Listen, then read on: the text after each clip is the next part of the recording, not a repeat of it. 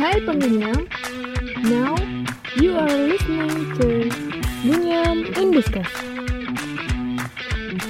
Let's talk about health issues, politics, movies, sciences, law, and literature.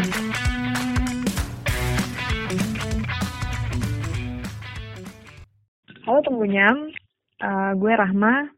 Episode kali ini akan menguak apa yang selama ini tidak terungkap oleh media terkait penanganan COVID-19 maupun fasilitas medis yang disediakan di Wisma Atlet. Nah, sekarang gue udah bersama narasumber yang uh, tidak bisa disebutkan namanya, tapi kita sebut saja dia Mawar. Dia merupakan salah satu pasien yang pernah dirawat di Wisma Atlet. Halo Mawar. Halo, selamat malam. Malam. Gimana keadaannya? Sejauh ini udah sehat? Uh, sejauh ini udah sehat. Uh, Alhamdulillah udah sehat, udah melakukan aktivitas lagi. Uh, cuman tetap uh, ngikutin protokol kesehatan dari biar tetap uh, jaga-jaga lah ke depannya. Alhamdulillah. Udah mulai kerja lagi berarti ya? Uh, udah, udah mulai kerja lagi, udah aktivitas biasa lagi pokoknya. Oke. Okay. Uh, ini kan sebagai uh, apa namanya pasien yang pernah dirawat di Wisma Atlet. Mm-hmm. Pertama-tama mungkin ceritain dong gimana akhirnya lo bisa dirawat di sana gitu. Uh, untuk pertamanya itu untuk pertama kali kena dulu kali ya. Uh, mm-hmm. Untuk pertama kali kena itu uh, kalau pertama itu di klaster perkantoran itu kalau misalnya di media sekarang klaster perkantoran itu lagi rawan sebenarnya itu bener banget gitu dan gue juga kena itu di lingkungan kantor yang kita juga nggak tahu sumber utamanya itu siapa gitu berawal dari ada salah satu karyawan yang sakit uh, terus uh, dirawat di rumah sakit dan dinyatakan positif COVID. Dan kebetulan karyawan itu satu kosan sama gue dan kemudian gue dilakukan rapid. Terus uh, setelah rapid, uh, otomatis kita ngerasa nggak tenang dong karena uh, itu lingkungannya deket banget gitu sama kita dan kebetulan uh, pada saat itu puskesmas deket lingkungan kantor gue itu lagi ngadain swab gratis dan kebetulan dari hasil-hasil rapid uh, di divisi gue itu ada yang reaktif juga. Yang reaktif otomatis kan harus langsung swab ya. Dan hmm. dari swab hasil swab mereka itu dinyatakan positif. Nah dari situ mulai bias tuh di kantor kayak gitu. Jadi uh, dimulai di mapping yang positif ini kontaknya sama siapa aja. Dan akhirnya kita satu divisi ngadain swab uh, barengan dan dari swab barengan itulah mulai terdeteksi positif. Namun awalnya gue tuh negatif, cuman ada uh, yang miss dari pada saat dilakukan swab bareng. Seharusnya ketika memang kita sudah lakukan swab itu, uh, kita melakukan isolasi tujuh hari atau 14 hari. Cuman kondisinya adalah karena memang kantor gue tidak bisa dilakukan kerja dari rumah, kita tetap masuk otomatis uh, itu tidak memutus mata rantai kanan. Keluar hasil positif, terus uh, di mapping lagi yang positif ini uh, terakhir kontak sama siapa dan kebetulan gue itu positif di hasil yang kedua karena memang gue abis kontak sama yang positif di dua hari sebelumnya. Eh satu hari sebelumnya. Kayak gitu. Makanya akhirnya keluarlah uh, hasil swab kedua gue menjadi positif gitu. Karena memang gue kontak dengan orang-orang yang positif lebih dari satu orang. Sekitar ada empat orang. Pada saat seminggu uh, menunggu hasil swab itu. Itu ceritanya. Uh, lo OTG atau ada gejala sih kalau gue termasuk yang tanpa gejala ya atau mungkin gejala ringan kali ya. Karena kan memang pada saat uh, kemarin itu cuaca lagi pancaroba banget dan memang kondisi uh, gue pada saat itu cuma batuk biasa yang nggak mengarah ke batuk yang gejala covid gitu loh. Cuman memang batuk kering ya kalau kalau uh, kering. Uh, kalau COVID kan batuk kering dan dalam jangka waktu yang panjang kan. Nah, hmm. sedangkan saat itu gue adalah batuk berdahak dan memang gue tuh kayak ada uh, gejala sinus juga kayak gitu. Nah, jadi uh, kebetulan pada saat swab itu ditanya gue batuk apa enggak ya gue bilang kalau gue batuk. Tapi memang berdahak dan kayak gitu. Terus pada saat uh, ditanya flu dan sesak ya namanya kita batuk berdahak normalnya pasti kita akan ngerasain sesak ya nggak sih? Kayak gitu. Jadi sebenarnya tuh ya mungkin kalau gejala ya mungkin gejala ringan kali ya. Kayak batuk atau diare dan itu pun diare gue sebenarnya kayak punya sebab juga gitu. Ada salah makan juga beberapa hari sebelumnya. Gitu. Terus uh, apa? Ini kan lo termasuk yang gejala ringan. Terus gimana ceritanya sampai ujuk-ujuk lo dirawatnya di wisma atlet gitu? Kalau itu karena gue bingung kan karena gue bingung harus ke mana. Karena pada saat gue positif itu kebetulan kondisi gue memang lagi nggak fit gitu loh. Gue masuk angin terus gue diare. Dan kebetulan kan gue juga kayak punya uh, semacam kecemasan yang berlebih gitu. Dan gue pada saat itu bingung harus ke mana. Dan sedangkan kalau gue nunggu hasil uh, konsultasi sama puskesmas yang nanganin swab gue dia bilang gue harus koordinasi dengan puskesmas tempat gue tinggal karena memang kondisi domisilinya berbeda kan mm-hmm. nah gue memikirkan bahwa gue harus ditangani malam itu dan gue uh, dan gejala yang gue rasain kayak demam atau diare pun harus ditangani karena gue nggak mau malah didiemin dan gue nggak tahu harus ngapain gitu. Sedangkan kan gue juga di kosan sendiri. Nggak bisa ada yang gue andelin dan nggak mungkin kan gue keluar kosan kayak gitu dengan kondisi gue yang uh, pada saat itu adalah positif yang ada malah membahayakan orang lain. Jadi gue berpikir adalah lebih baik gue pergi ke wisma gitu biar gue segera tertangani dan juga nggak malah membahayakan orang lain gitu.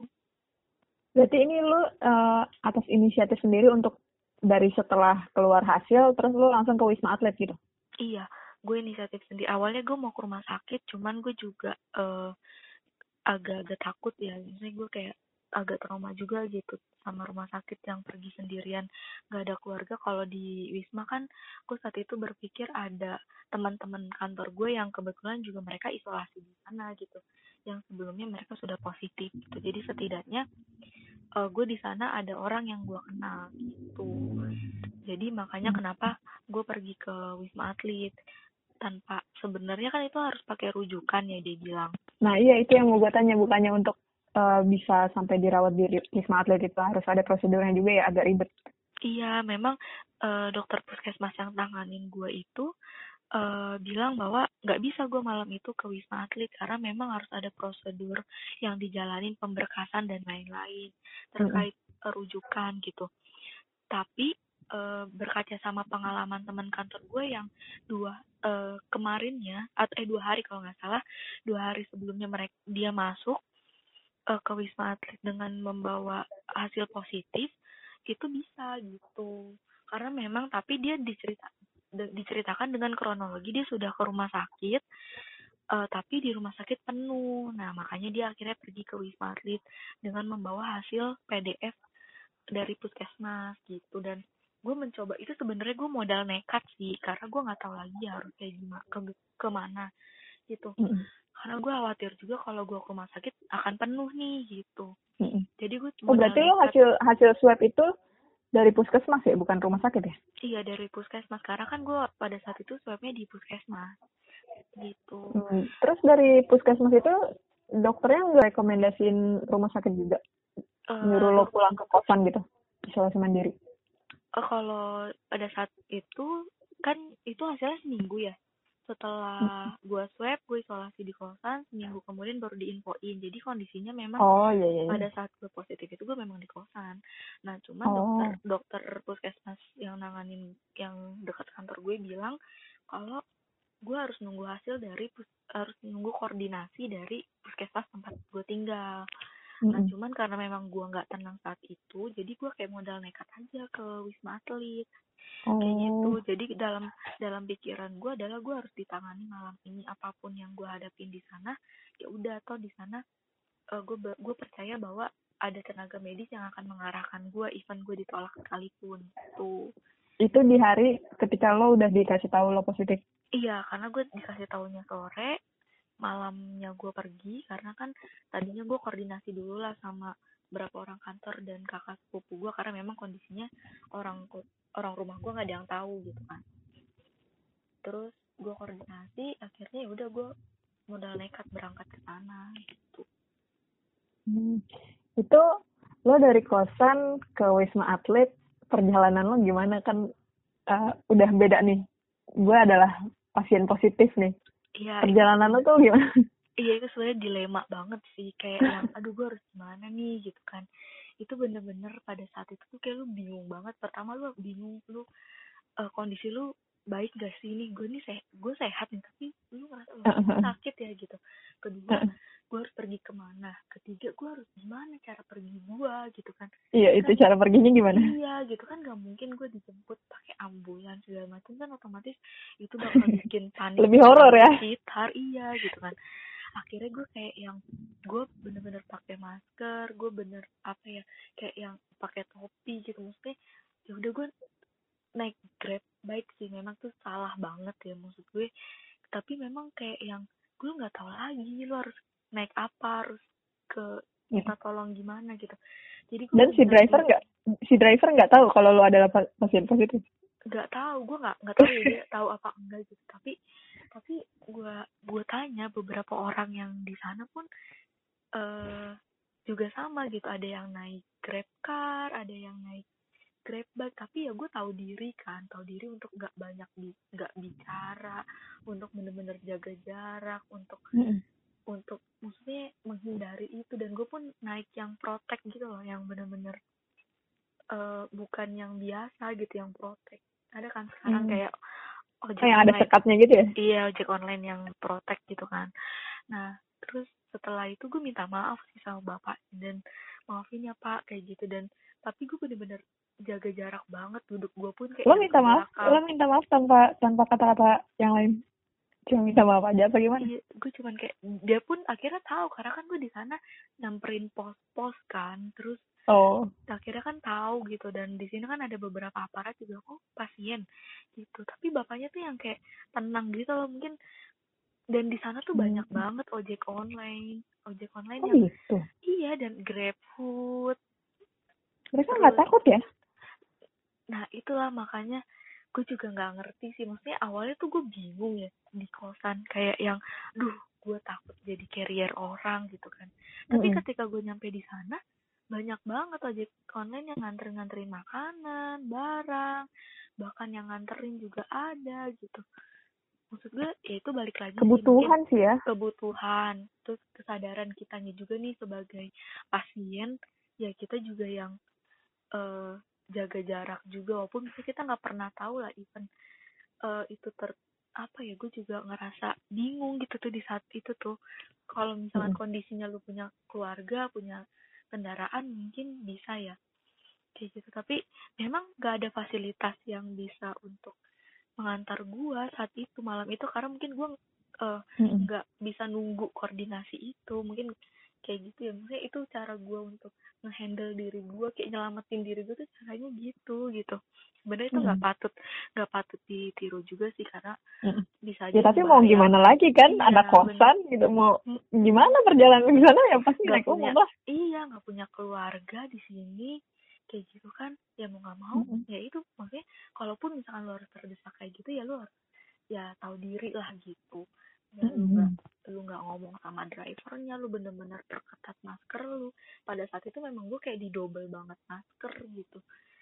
Dan kayak gue pakai topi dan gue juga yang megang helm juga yang tahu diri. Maksud gue ya gue pakai hand sanitizer cuci tangan dulu sebelum berangkat segala macem pada karena gue sadar gue pasti akan memegang helm tapi gue pakai topi karena kan penularannya lewat droplet kan jadi gue Lu mikir, pakai pakai topi terus pakai helm gitu. iya gue pakai topi gue pakai helm terus gue bener-bener berjarak banget kayak gitu sih Mm-mm.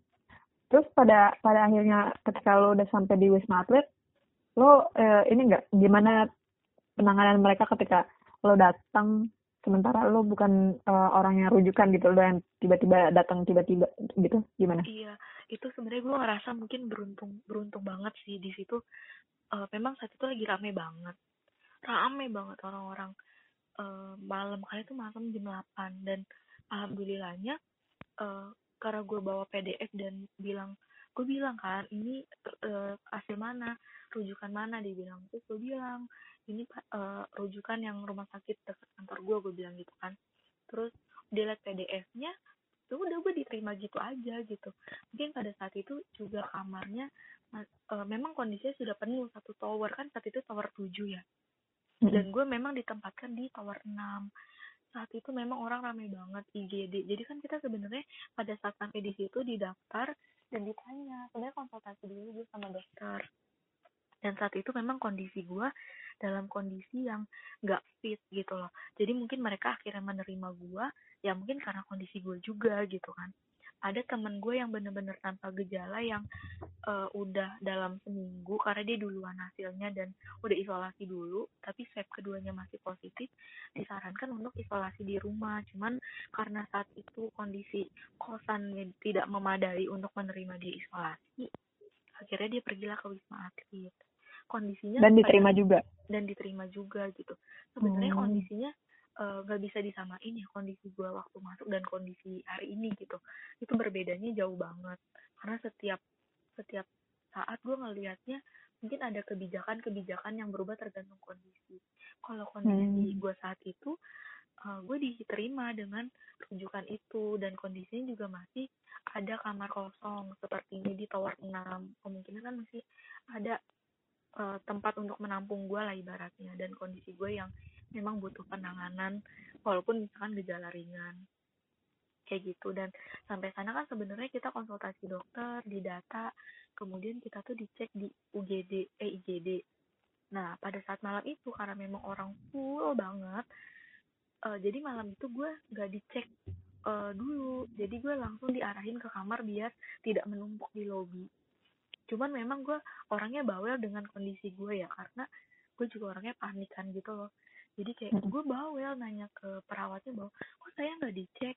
Kok padahal saya udah konsultasi ini kondisi saya sebenarnya gimana? Kayak gitu.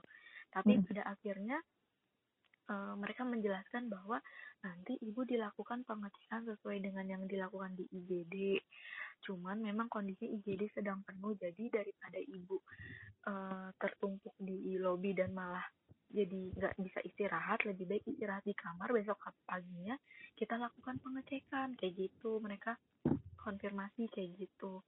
Dan gue tetap nggak nggak tenang karena gue nggak gue nggak dapet obat malam itu. Dan uh, gue bener-bener bawel yang minta penanganan untuk terkait apa yang gue rasain malam itu. Dan akhirnya gue dikasih obat kayak gitu kan. Gue dicek uh, suhu gue dicek satur saturasi udara ya namanya rongga udara kayak gitu karena pada saat itu juga gue ada gejala sesak.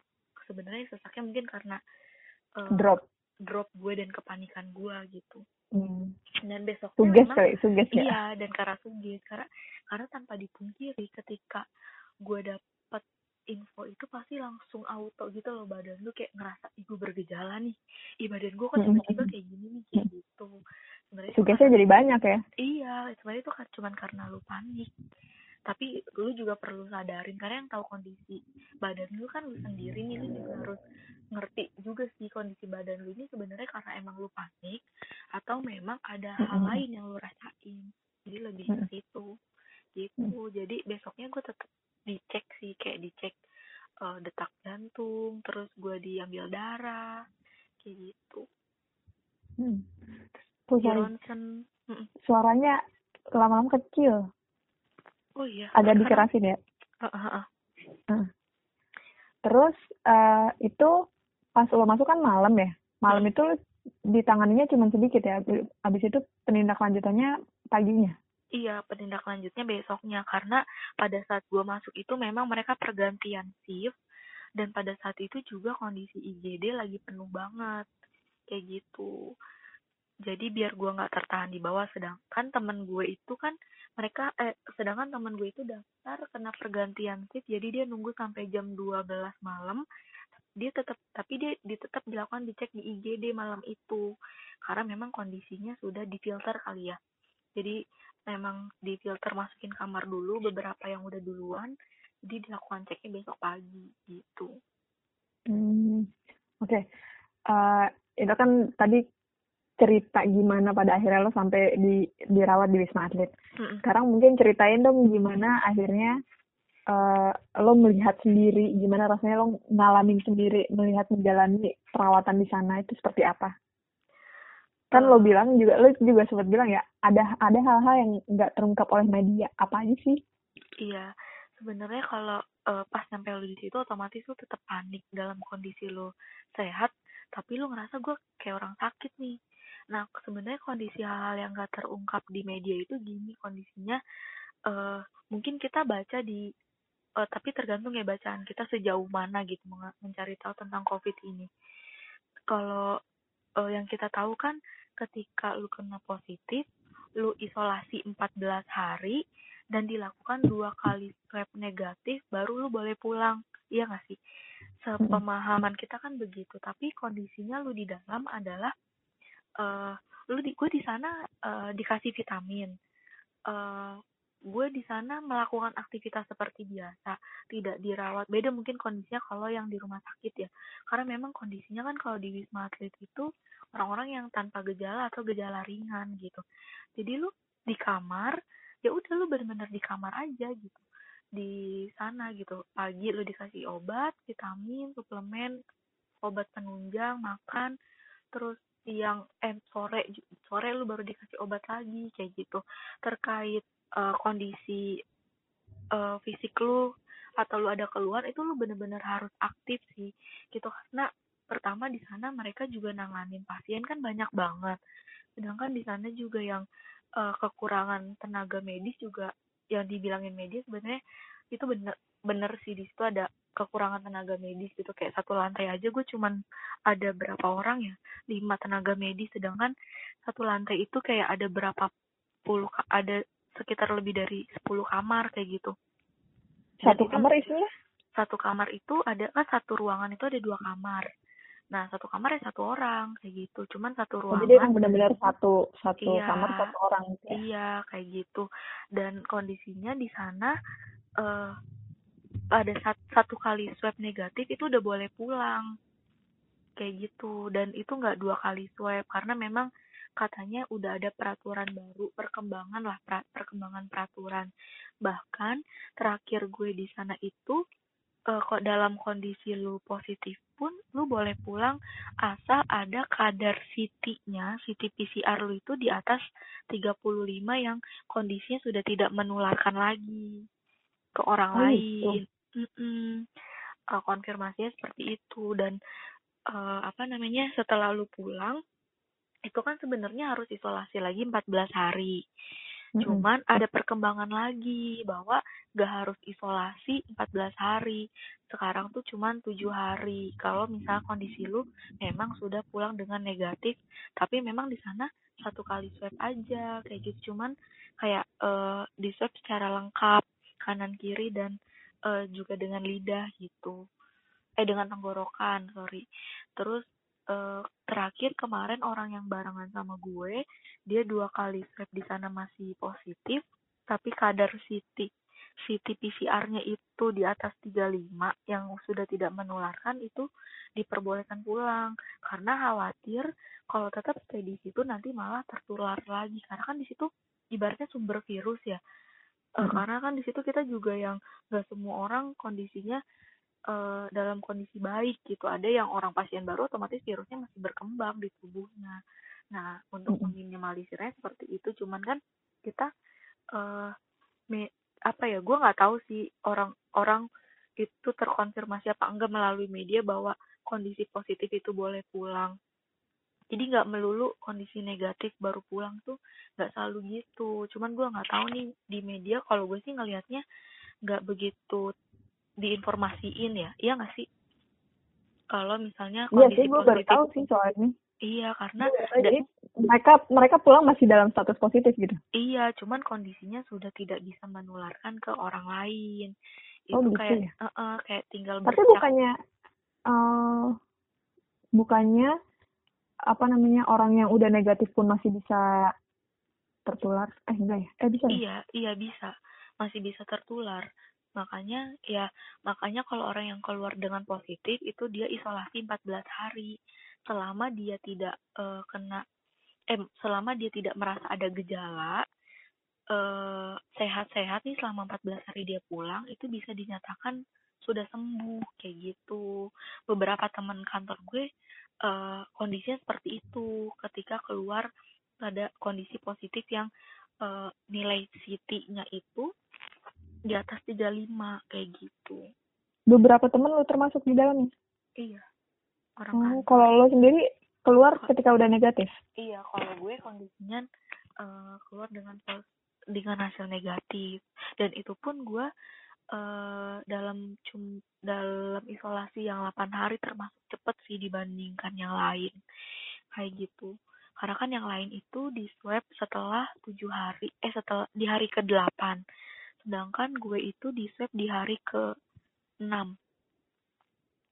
oh. kayak gitu. Mungkin kondi mungkin karena gue pada saat itu banyak keluhan ya. Karena gue anaknya adalah panikan sering sesak jadi mungkin dokter juga entah melihat kondisi psikis gue juga biar anak ini gak lama atau gimana gue juga gak ngerti sih kenapa gue swab begitu cepat pada saat itu cuman pikiran gue adalah pada saat itu mungkin dia melihat psikis gue yang selalu ada keluhan-keluhan yang sebenarnya itu lebih ke pikiran gue gitu bukan karena memang kondisi badan gue gitu. Berarti selama di sana lo nggak saling terhubung dengan pasien lain ya? Artinya maksudnya lo nggak ada komunikasi atau ngobrol-ngobrol terkait kasus ini gitu di oh, di sangat sangat ada. Jadi kita oh, itu gimana? Kan satu ruangan. Kita kan satu ruangan tapi kita hmm. itu jadi kan uh, kita berjemur ada rooftop di lantai atas. Jadi di situ ya banyak orang-orang ngobrol terus kita oh, kayak ngumpul juga iya kumpul senam bareng kayak gitu. Kalau kondisi gue saat masuk sih gitu ya. Jadi kita buat ruang olahraga itu di rooftop atau di lantai tengah. Kayak gitu untuk berjemur kayak gitu. Cuman balik lagi sih ke diri kita yang kita ngejaga segimana nih walaupun misalkan kita di sana sama-sama positif semuanya gitu kayak yang ya udahlah gitu udah sama-sama positif gitu. Tapi ya itu balik lagi gimana pribadi lu masing-masing buat ngejaga atau ya lu mau berlaku biasa aja. Pada saat itu sih walaupun misalkan gue di sana orang pada di atas di rooftop pada berjemur rame-rame gue tetap jaga jarak tetap pakai masker gitu. Senam hmm. pun kita kayak berjarak kayak gitu itu um, apa namanya rata-rata orang yang lu lihat yang lo kenal di sana pasien hmm. itu uh, usia berapa? Usianya tuh banyak yang seumuran gua kayak lebih anak muda. Terus ada juga sih kayak yang ibu-ibu dan eh, ibu-ibu yang ada anaknya juga, ada orang berkeluarga. Terus pada saat itu juga banyak bapak-bapak yang di umur 40 tahun ke 40 tahunan ke atas gitu. Dan mereka pun di sana ada yang isolasi cuma tiga hari kayak habis dari luar kota nih. Uh, misalkan dinas terus mereka isolasi di situ. Waktu itu sih pada saat gue di sana case-nya ada yang kayak gitu. Yang cuma tiga hari habis itu mereka ya udah uh, aktivitas oh, bisa lagi. ya gue selama ini mikirnya kayak bener-bener dua minggu gitu. Gue juga tapi kayaknya makin mungkin itu awal-awal kali ya makin ke sini makin dipercepat ya sih nah mungkin awal-awal itu ya itulah kan gue bilang kebijakannya mungkin berkembang terus kali ter iya, iya. tergantung dengan kondisi dan penelitian-penelitian perkembangan virusnya kali ya gue juga hmm. kurang kurang paham terkait uh, secara uh, teknis med medisnya kayak gimana gitu cuman hmm. di sana ada yang berkeluarga ada yang anak kecil yang umur sekitar SMP lah kayak gitu di situ juga ada bener beraneka ragam sih di sana ada ibu-ibu. Ya gue nggak tahu mereka di situ isolasi satu keluarga atau memang positif semua. Gue juga kurang nggak karena kan nggak banyak ngobrol juga ya. Cuman paling kayak selentingan ketika lagi lewat lagi duduk mereka ngobrol kayak gitu. Hmm. jangan-jangan setelah keluar dari wisma atlet kalian punya grup? Bisa jadi sih. Mungkin ada yang ketemu jadi jodoh kan juga nggak tahu ya kalian keep kontak gitu kan iya bisa sih mawar uh, gue penasaran tadi kan lo bilang banyak hal-hal yang tidak terungkap di media. Kalau nggak salah tadi kayaknya lo baru mengungkapkan satu. Apa ada lagi nggak sih yang nggak terungkap yang banyak masyarakat nggak tahu di Wisma Atlet itu? Uh, kalau banyak, banyaknya sih nggak banyak banget ya gitu. Paling hal-hal teknis yang uh, kayak misalnya gini perlan gue kan ada kan itu kita ada dengan gue itu dengan uh, tower yang berbeda ya ditanganinya di lantai juga yang berbeda. Kayak gitu. Jadi uh, ada penanganan-penanganan yang sedikit berbeda dari setiap uh, lantai. Tapi gue nggak setiap lantai sih. Kayak lantai yang temen gue di lantai itu dan temen gue yang di tower itu gitu. Kayak misalnya gini uh, temen gue di tower misalkan dikatakan di, di tower 7 di lantainya beda lah misalnya 20 dengan 25 gitu.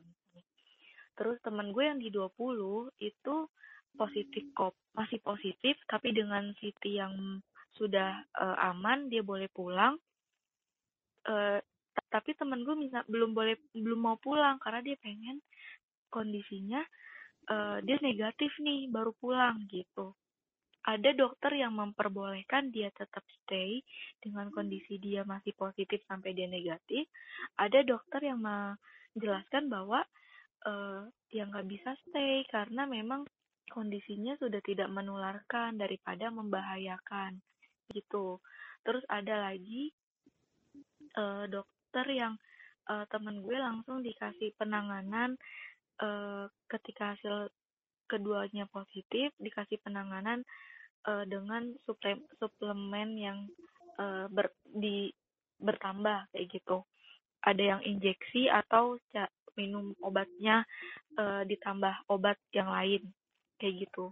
Dan uh, itu sih mungkin yang gua ngerasa ada uh, apa ya kita sebagai pasien juga kadang suka ngerasa bingung. Otomatis di saat kondisi mental lu lagi nggak baik nih uh, dengan penanga uh, dengan kondisi lu saat ini, otomatis lu akan menanyakan teman lu sebagai pembandingnya nggak sih?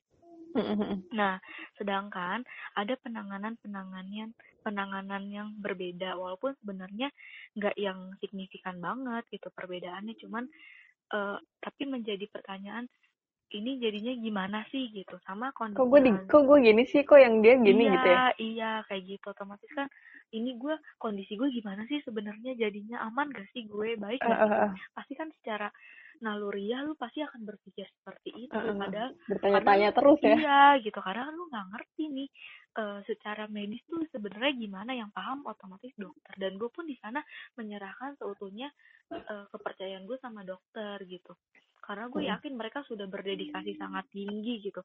Gue ngerasa banget ketika gue di sana ngelihat dunia luar itu rasanya kayak yang Tuhan gue di sini dan gue kangen banget sama dunia luar gitu. Apalagi mereka yang hari-hari mereka dengan APD yang lengkap dengan masker yang ditambal dengan gitar dan lain-lain. Maksudnya hmm. psikologis mereka juga dalam kondisi psikologis yang nggak baik gitu. Tapi mereka membangun di sana uh, situasi situasi yang bener-bener positif vibe banget gitu. Kayak di grup mereka juga support kita jangan panik ya bu. Uh, pak gitu ngebangun hal-hal yang bikin happy gitu. Mereka yang uh, nanganin kita juga yang ramah. Tapi namanya karakter pribadi kan ada juga yang kayak gimana itu gue ngerasa wajar sih setiap setiap perawat ada karakter A B C gitu. Cuman -hmm. yang berbedanya adalah ya di situ tadi terkait penanganan terus terkait itu gue ngerasain sendiri ketika gue pulang kan itu seharusnya ada isolasi 14 hari. Karena kondisinya teman gue hamin eh, eh dua hari sebelum gue pulang itu dia dapat surat rekomendasi isolasi 14 hari. Sedangkan ketika gue pulang itu eh, dokter tidak membuat catatan bahwa gue harus rekomendasi isolasi kembali 14 hari. Sedangkan gue kan butuh secara administratif ya. Untuk ke kantor otomatis di sana dibuat not biasanya. Kalau pengalaman teman-teman gue otomatis kan gue niruin yang sebelumnya dong. Nah, mm di situ gue sempet agak berdebat panjang sih terkait masa isolasi gue. Dia bilang bahwa ya kalau memang sudah negatif tidak perlu isolasi lagi, sudah bisa beraktivitas seperti biasa. Tapi adapun isolasi yang direkomendasikan adalah tetap menjaga protokol kesehatan. Dia bilang gitu. Ya gue bilang, hmm. ya gue tahu uh, itu tetap menjaga protokol kesehatan. Cuman kan kondisi gue masih belum pede juga untuk menghadapi dunia luar. Otomatis gue butuh waktu tujuh hari lah minimalnya atau 14 hari untuk mengetahui bahwa kondisi gue baik-baik aja. Sedangkan teman gue yang baru pulang dua hari kok dapat notes untuk isolasi 14 hari, gue bilang gitu. Sedangkan dia, mereka bilang bahwa ada kebijakan yang sudah berubah. Mereka bilang gitu bahwa bak itu isolasi 14 hari untuk yang positif aja ketika kondisinya positif eh ketika kondisinya pulang itu dengan kondisi positif yang CT di atas 35 tadi. Karena buat dilihat nih selama 14 hari kondisinya baik-baik aja atau ada gejala. Di bilang gitu. Terus gue bilang teman gue pulang dengan kondisi negatif. Gue bilang kayak gitu kan. Terus berdebat panjang berdebat panjang akhirnya uh, mereka bilang ini ada kebijakan baru. Tapi kan selisihnya dua hari. Gue bilang kayak gitu. Masa kebijakan uh, begitu cepat gitu loh dengan dua hari gitu kecuali dengan kondisi satu bulan sebelumnya. Kayak gitu akhirnya berdebat panjang gue dapat isolasi tujuh hari. Terus gue pikir ya setelah setelah lo isolasi selama delapan hari di iya, Wisma Atlet? Iya setelah isolasi gue delapan hari di Wisma Atlet akhirnya gue setelah keluar gue dapat surat rekomendasi itu dia bilang saya nggak bisa ngasih 11 hari saya kasih tujuh hari.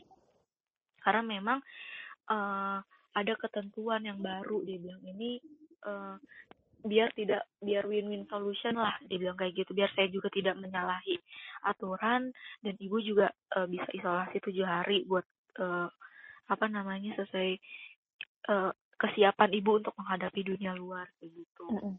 akhirnya gue kalau lo nggak dapet kalau lo nggak dapet surat itu artinya lo harus udah harus masuk kerja lagi ya? Iya karena kondisi teman gue ada yang orang kantor gue yang nggak ada note untuk isolasi besokannya dia harus kerja. Hmm. kayak gitu karena memang secara administratif di kantor harus seperti itu benar-benar harus ada notes kejelasan notesnya gitu nah terus gue pulang lah dengan isolasi tujuh hari gue report ke kantor. Tapi besoknya temen gue keluar juga dia dapat notes dari dokternya isolasi 14 hari. Loh gue jadi pertanyaan dong jadi sebenarnya itu gimana gitu kan? Oh jadi lo dulu yang keluar baru temen lo itu? Iya gue dulu yang keluar abis itu temen gue keluar. Dia dapat tos belas eh empat belas hari. Tapi dia, dia negatif? dia negatif. Dia satu gedung sama gua hanya beda lantai. Hmm. nah otomatis uh, ya gua ya itulah maksudnya perbedaannya di situ gitu. Cuman setelah itu eh, empat hari kemudian itu menjadi rata. Eh, tidak lagi ada notes tapi direkomendasikan secara tertulis secara resmi di surat itu tujuh hari. Nah udah selesai di situ ya gue uh, gue nggak tahu lagi informasi ke depannya kayak gimana gitu. Tapi memang ada orang yang barengan gue waktu itu masuk dia masih positif, yaitu direkomendasi direkomendasikan untuk bisa pulang karena memang sudah tidak menularkan. Khawatir di sana memang eh, eh khawatir di sana nanti malah tertular lagi gitu. Nah itu yang gue rasa, gue sih ngerasa it, hal yang misedukasi di kita melalui media dan yang di media sosial ada misedukasi di terkait perkembangan kondisi kasusnya gitu loh bahwa yeah, yeah, yeah. Uh, uh, yang di dalam pun uh, sebenarnya ketika positif itu boleh pulang dengan kondisi itu tadi ketentuan CT PCR-nya di atas skor sekian kayak gitu. Hmm. Uh, cuman kan memang kita tetap harus bukan berarti uh, apa ya ini tidak berbahaya ini masih ini sangat berbahaya gitu karena memang penyerangannya cepat dan kayak gak mudah untuk terdeteksi gitu. Bahkan orang tanpa gejala yang sehat-sehat tiba-tiba dia bisa positif dan tiba-tiba besoknya juga ada juga yang drop kayak gitu kan. Karena kita lihat di media seperti itu gitu. Itu yang yang diberitakan di media dan di media sosial yang kita baca itu memang benar gitu. Cuman ada perkembangan kasus yang gue ngerasa sih missnya edukasi kita di situ. Gitu. Uh, mawar gue penasaran pas sekarang kalau yang tadi gue lihat di berita itu hari ini di Wisma Atlet jumlah pasien itu udah mencapai 3.738 orang. Hmm. Kalau pada saat lo masuk itu mungkin masih seribuan ya atau udah dua ribuan sih? Kalau gue waktu itu 16 ribu. ah enam belas ribu eh seribu enam ratus seribu enam bentar gue nom pasien yang di nomor gue pasien yang di nomor seribu enam ratus iya seribu enam ratus. Oh, seribu enam ratusan? Iya seribu enam ratus dua puluh tiga. Itu tanggal? Dua itu tanggal 11 Agustus. 11 Agustus dan keluar tanggal? Sembil eh, 19 Agustus gue keluar. 19 Agustus tuh udah mungkin udah 2000 kali ya? Kemungkinan iya oke kemungkinan Kan- iya se sebanyak itu kan yang yang dirawat gitu dalam waktu yang bersamaan. Hmm. Eh, apakah apakah eh, fasilitas isolasi, ruang isolasi, terus kayak IGD-nya dan alat-alat medisnya itu memadai nggak sih? Eh, kalau memadainya eh memadainya maksudnya gimana nih eh rusak atau enggak gitu Eh, maksudnya eh, kondusif gitu loh, maksudnya kayak ruang isolasinya layak untuk oh di kalau kalau Gimana? ruang isolasinya layak ya. Karena eh itu kan di wisma ya. Jadi kayak apartemen studio tau gak sih? Yang emang di kamar ada wifi ada kamar mandi yang ada water heaternya sebenarnya ada ruang Hmm. tamu terus di situ tuh juga ada aktivitas buat lu nyuci gitu nyuci baju Eh, dan kalau bersih ya lu harus bersihin ruangan lu sendiri gitu. Nggak ada yang bukan yang tiap hari ada yang bersihin. Tapi ketika lu masuk kondisi kamarnya memang sudah bersih gitu sudah dibersihkan. Kan Hmm. kalau hari-hari ya lu tetap bersihin sendiri. Karena kan lu kan dalam kondisi pasien positif nih. Kalau ada yang bersihin kan otomatis yang bersihin nanti malah yang jadi eh kita malah jadi carrier buat orang itu gitu kan. Mm-mm. even misalnya dia yang pakai APD lengkap. Di sana juga kayak orang eh yang volunteer yang bersih bersihin yang nganterin makan yang jadi eh antar-antar paket kita itu juga pakai APD eh, dengan APD yang lengkap kayak gitu terus di situ juga lu bisa paket gitu loh, kayak lu mau beli GoFood, GrabFood terus eh kayak mau Nanti yang nerima paket. nerima eh, dari pihak rumah sakit ya?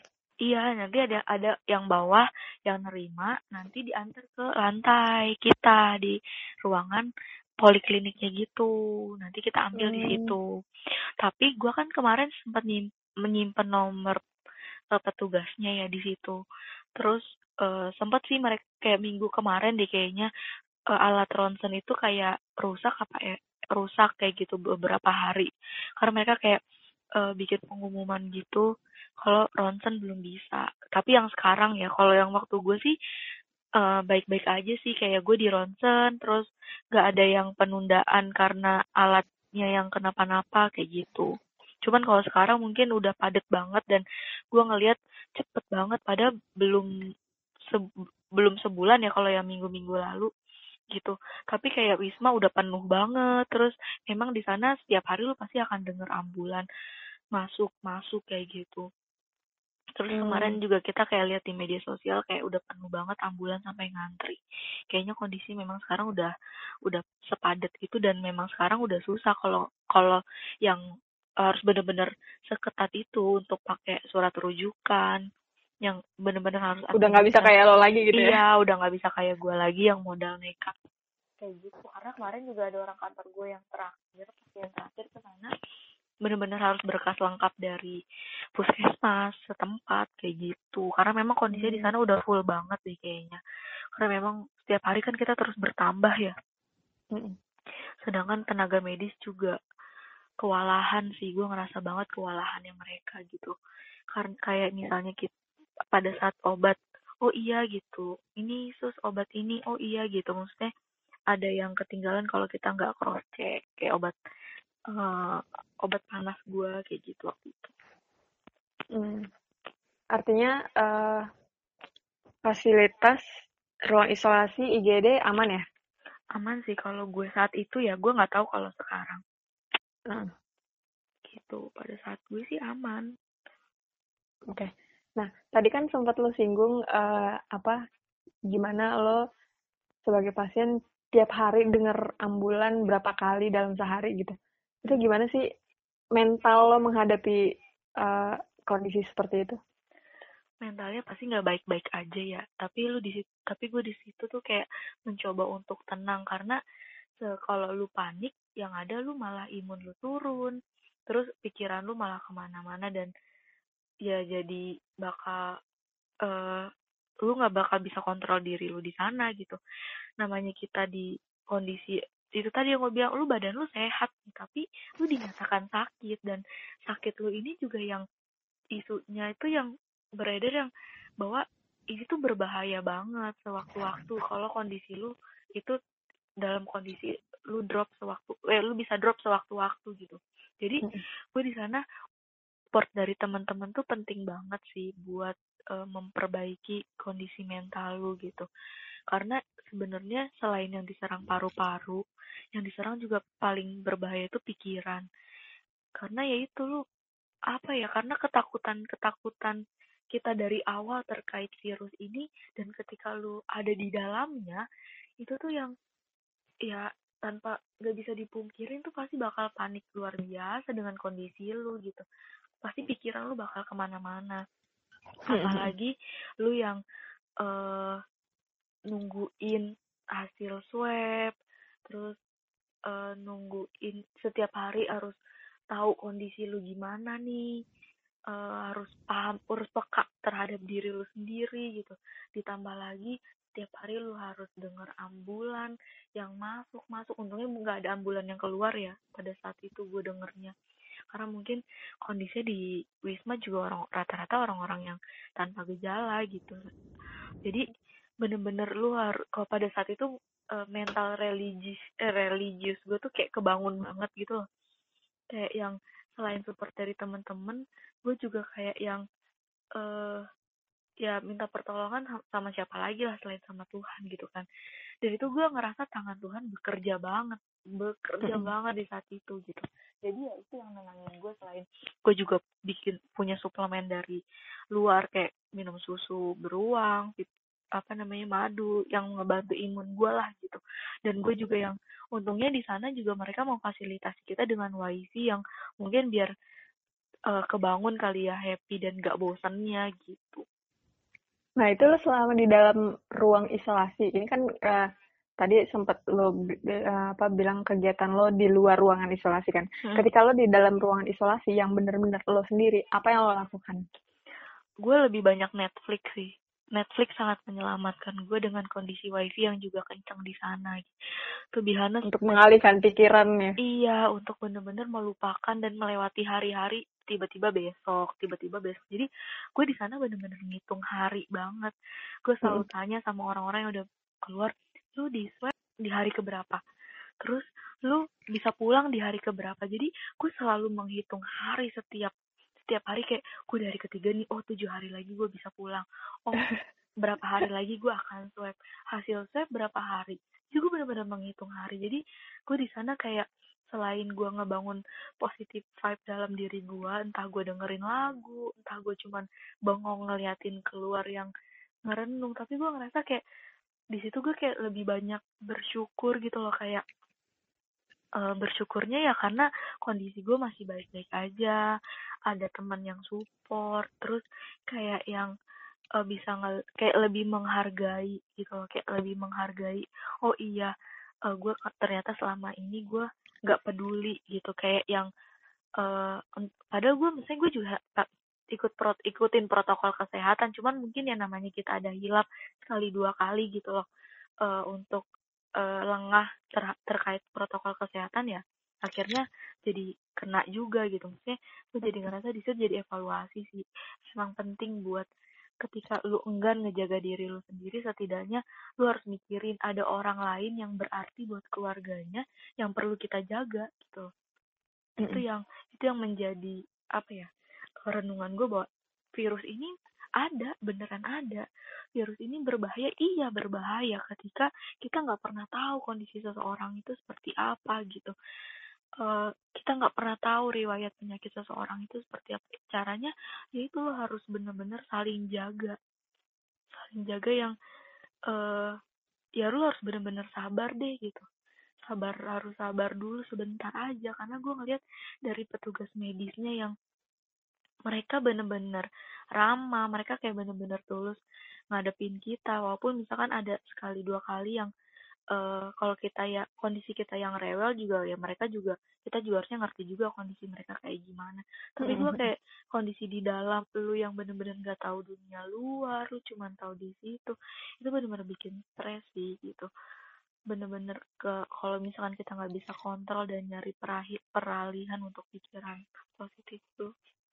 Gitu sih kalau gue untungnya. Ada Netflix gue YouTubean entah gue denger lagu entah gue baca-baca artikel apa gitu dan untungnya uh, ada teman-teman sih yang juga support gue yang selalu nemenin gue untuk ngobrol teleponan nanyain kondisi gue setiap hari kayak gitu oke okay. uh, eh, Mawar kan uh, lo bilang uh, apa namanya swab itu macam-macam ya orangnya di hari keberapa di swab gitu ya macam-macam ya. Mm -hmm. Swab itu bukannya hasilnya keluarnya lama ya beberapa hari?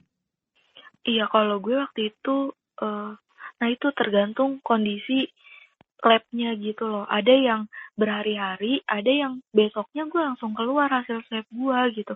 Karena oh. iya karena kan mereka tuh uh, waktu itu sih reasonnya alasannya karena di lab. Jadi kan dia ada dua tower. Jadi ada yang di tower ini dikasih ke lab pusat ada yang di labnya di lab sana. Ketika di lab sana itu uh, kewalahan otomatis dioper ke lab pusat. Nah mungkin itu yang bikin hasilnya jadi lama keluarnya. Terus mereka juga bilang bahwa ya kita kekurangan tenaga gitu.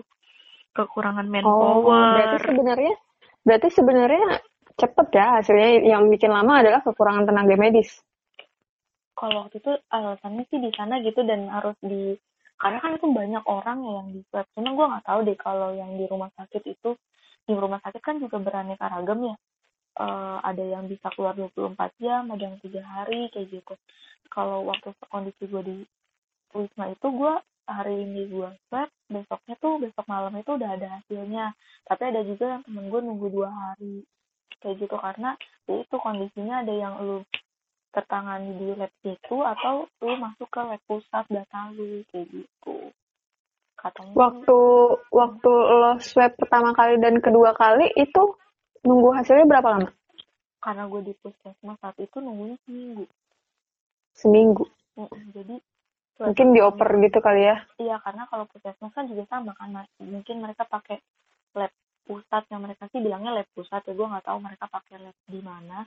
Cuman memang kondisi saat itu puskesmas yang gua swab itu juga dia karena lagi ngadain swab gratis juga jadi banyak jadi hmm. butuh waktu seminggu karena memang ya itu uh, banyaknya pasien yang melakukan swab terus kekurangan manpower gitu okay. jadi makanya itu yang bikin lama oke okay.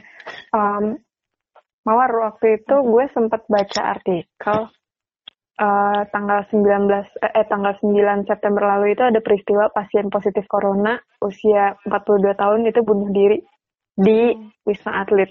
Pandangan lo gimana ketika tahu ada artikel itu? Gue sempat miris sih kayak sedih banget karena gue ngerasa uh, apa yang mereka rasain, apa yang ngerasa banget kayak paniknya gimana. Cuman kan kita nggak pernah tahu ya kondisi mental seseorang itu kayak gimana jadi uh, sedih banget sedih banget lah kalau sampai dia melakukan hal itu gitu. Entah kita juga entah kurang support entah dia juga panik juga nggak tahu ya yang melatar belakangi itu gitu. Jadi kalau buat gue ketika minta lu kita perlu saling jaga lah kondisi kayak sekarang hari hari ini tuh kayak nanya kabar temen lu itu udah bukan lagi satu hal yang basa-basi tapi adalah satu hal yang penting. Dan ketika temen lu ada di posisi itu untuk tidak menjudge dia tapi itu adalah sesuatu yang luar biasa yang lu bisa menghargai menghargai dia untuk uh, menghargai dia untuk berani uh, swab misalnya. Terus ketika dia positif ya lu juga support dia lah. Even misalnya lu ngelihat dia udahlah nggak apa-apa udah lu kan sehat macam. Tapi nggak semudah itu ketika lu ada di dalam gitu. Jadi lu bener-bener harus apa ya nunjukin bahwa lu tuh ada buat dia gitu lu tuh nggak apa-apa gitu. Lu uh, dengerin apa aja keluhannya tuh dengerin gitu. Dan lu support dia secara mental terus lu juga bantu dia untuk nenangin bahwa uh, kondisi lu tuh nggak apa-apa kok lu jangan panik. Apa ya kalimat-kalimat yang menenangkan.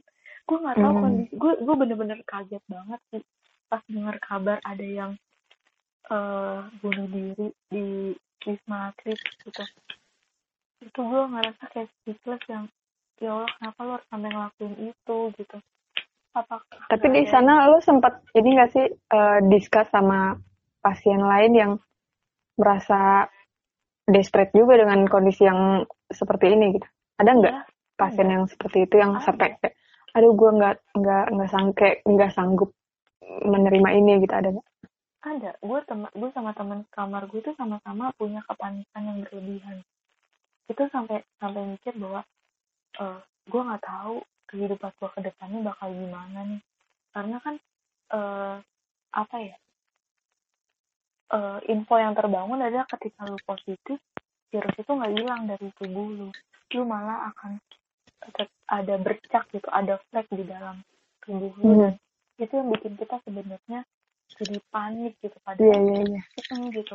Padahal sebenarnya ketika lu di lu ketika lu keluar dan lu terapin pola hidup sehat ya insya Allah lu tetap baik-baik aja gitu.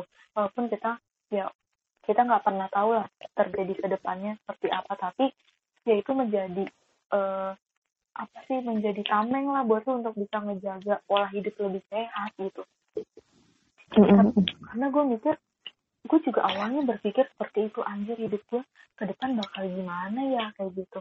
Terus gue bakal jujur gue setelah gue keluar pun itu gue butuh waktu lama banget untuk bisa kondisi gue sebaik sekarang gitu pun. Sekarang gue juga kayak masih takut tapi ya itu uh, balik lagi bahwa ya hidup tetap harus berjalan gitu nggak terhenti di situ. Toh lu juga pasti punya uh, keluarga lu masih punya teman terus yang masih nerima lu. Mungkin pikirannya adalah ya itulah kadang jeleknya kita saat ini adalah stigmanya malah negatif terkait pasien-pasien mantan covid. Harusnya kan kita bisa menerima. Gimana? Lo termasuk yang mengalami itu?